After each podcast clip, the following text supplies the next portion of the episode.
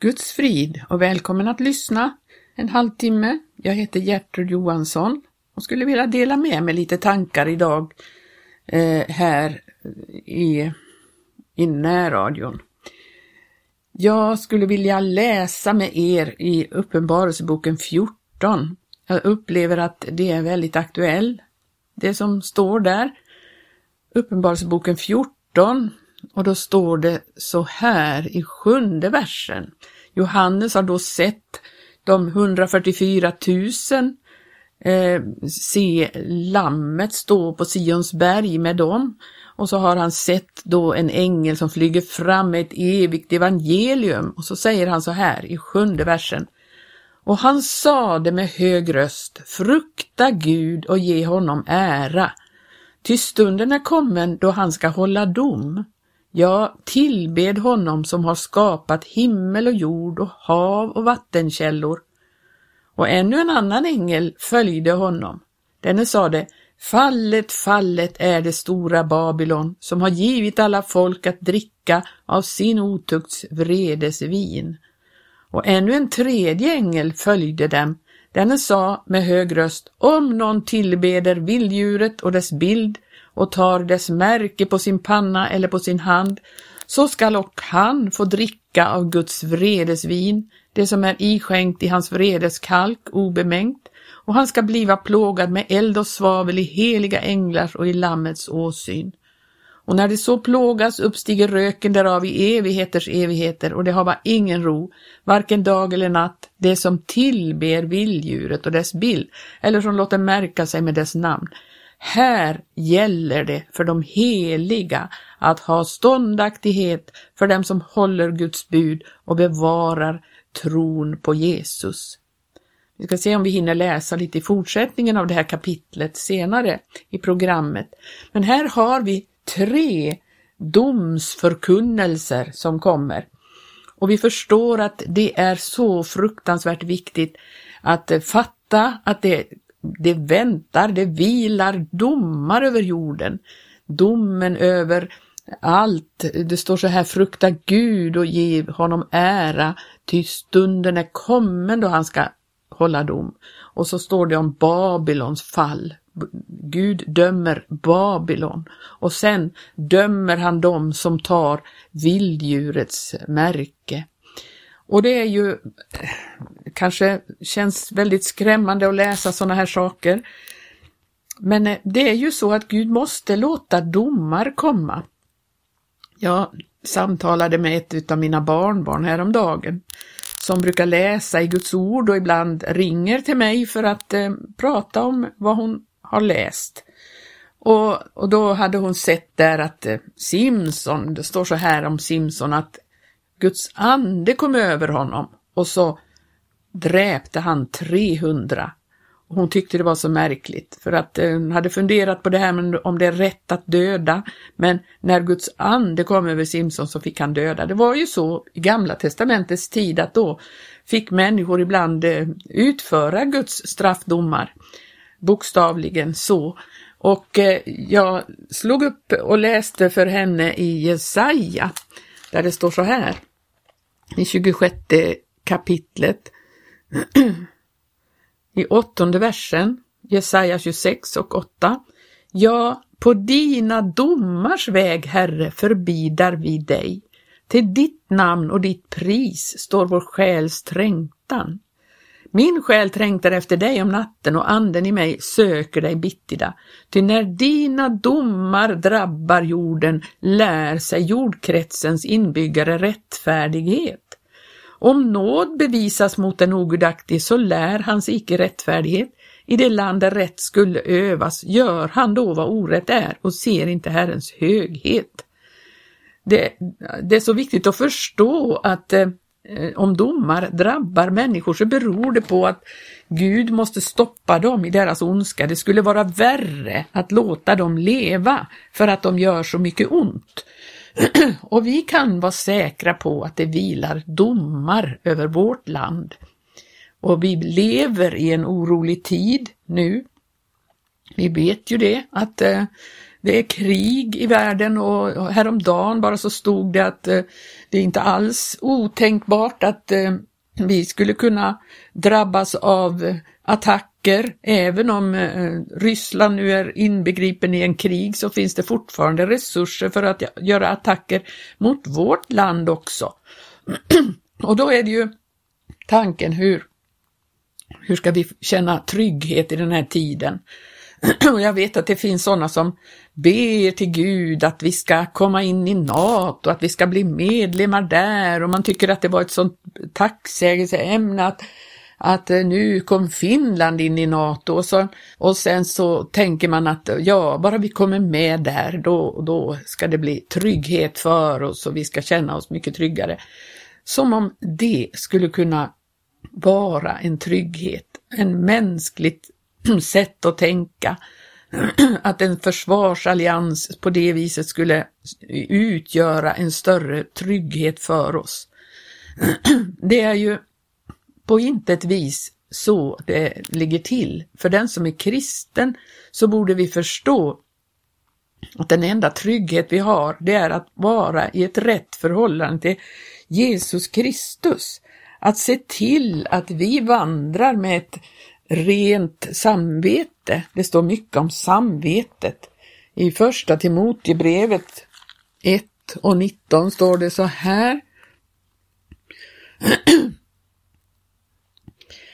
Eh, första Timoteusbrevet 1 och 19. Må du i kraft av dem, alltså de profetord som uttalades över Timoteus, strida den goda striden, rustad med tro och med ett gott samvete. Detta har nu visserligen somliga skjutit åsido, men de har därigenom lidit skeppsbrott i tron. Och det är ju så fruktansvärt viktigt att vi bevaras i ett gott samvete inför Gud. I tredje kapitlet så står det om församlingstjänarna och då står det i nionde versen, de bör äga trons hemlighet i ett rent samvete. Och så finns det andra då, i fjärde kapitlets eh, andra vers står det att det är många som ska, eller första vers står det att man ska afrån och hålla sig villor och läror. Det ser vi ju så tydligt idag hur det är med den saken. Och då står det så ska ske genom lögnpredikanters skrymteri. Människor som i sina egna samveten är brännmärkta som brottslingar. Dessa människor som predikar lögn, de är egentligen brännmärkta i sitt eget samvete. De vet att de inte har ett rent samvete. I Titus eh, står det så här, Titus första kapitel och femtonde vers att allt är rent för de som är rena, men för de orena och otrogna är inget rent, utan hos dem är både förstånd och samvete orenade. De säger sig känna Gud, men med sina gärningar förnekar de det, ty de är vederstyggliga och ohörsamma människor, odugliga till allt gott verk. Nej, så ska vi inte ha det. Vi ska titta i första Petri brev också. Eh, 3 och 16, där står det så här. Eh, ja, vi kan läsa från femtonde versen. Nej, Herren Kristus ska ni hålla helig i era hjärtan och ni ska alltid vara redo att svara var och en som av er begär skäl för det hopp som är i er, dock med saktmod och i fruktan och med ett gott samvete, så att de som smädar er goda vandel i Kristus kommer på skam i fråga om det som de förtalade er för. För det är bättre att lida för goda gärningar om så skulle vara Guds vilja än att lida för onda. Det är fruktansvärt viktigt det här med att vandra fram med ett rent samvete. Det är ju så här att eh, vi ofta umgås med människotankar och vi förstår att Guds tankar är helt annorlunda. För Gud som är god så, så eh, har det inte med de sakerna att göra som vi tror. Att det bästa för oss här i Sverige är att vi får leva i lugn och ro och slippa krig och allting. Sverige är fruktansvärt ogudaktigt och tar det ena steget efter det andra till att eh, främja ogudaktighet, uppror mot Gud och på allt sätt förstörs, eh, eh, förstör man människorna genom att propagera lögnpredikan. Eh, och det är inte bara predikanter som predikar lögn, det gör också politiker och kändisar och allt, eh, allt eh, som finns tillgängligt för oss så är det lögnpredikan för oss.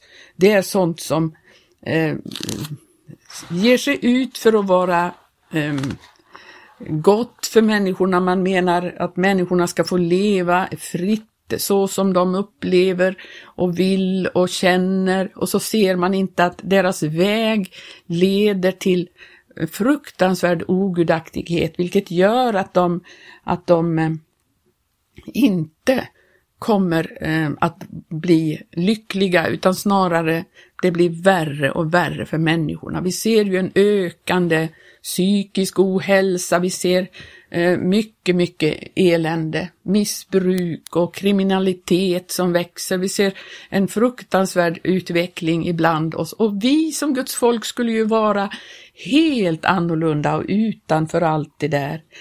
Och vi, vi, som vi läser i Petri första brevs sista kapitel, där jag, nej, andra brevets, eh, andra brevets sista kapitel, det har jag läst här nyligt eftersom vi gick igenom Petri brev. Det är ju så här att Herrens dag kommer och Herrens dag, det innefattar dom över tingen här. Det är ju så. Det måste ske en dom över denna ogudaktighet. Och då står det i tionde versen där, Herrens dag ska komma så som en tjuv. Och då ska himlarna med dånande hast förgås och himlakropparna upplösas av hetta och jorden och de verk som är därpå brännas upp. Eftersom nu allt detta sålunda går till sin upplösning, det är det vi ser, allt går till sin upplösning. Hurudana bör inte ni då vara i helig vandel och Guds fruktan, medan ni förbidar och påskyndar Guds dags tillkommelse? Vi vill skynda på den dagen eftersom det är sånt lidande här i tiden och i världen.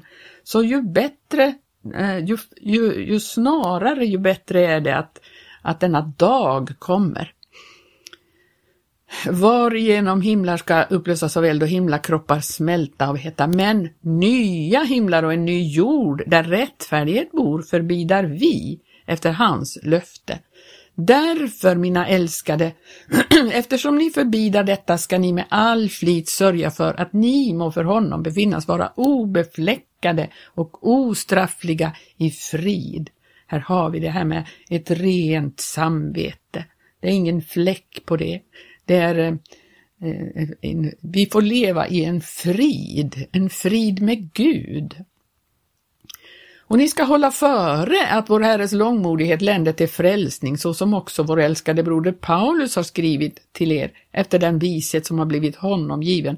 Så gör han i alla sina brev när han i dem talar om sånt, fastän visserligen i dem finns ett och annat som är svårt att förstå och som okunniga och obefästa människor vrångt uttyder, så som det också gör med de övriga skrifterna, sig själva till fördärv. Då ni nu således, mina älskade, har fått veta detta i förväg, så ta er tillvara för att bli indragna i de gudlösas villfarelse och därigenom förlora ert fäste.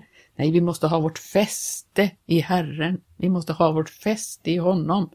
Väx istället till i nåd och i kunskap om vår Herre och Frälsare, Jesus Kristus. Honom tillhör äran nu och till evighetens dag. Vi måste ju förkunna frälsningen i Jesus. Vi måste ju vara människor som har vår trygghet och vår starkhet i honom. Vi ska gå tillbaka till eh, Uppenbarelseboken 14 och, och se där. För sen, efter den här domsförkunnelsen, så säg, säger denna rösten, det står och jag hörde en röst i trettonde versen, från himmelen säga, skriv, Saliga är de döda som dör i Herren härefter. Ja, säger anden, de ska få vila sig från sitt arbete, ty deras gärningar följa dem.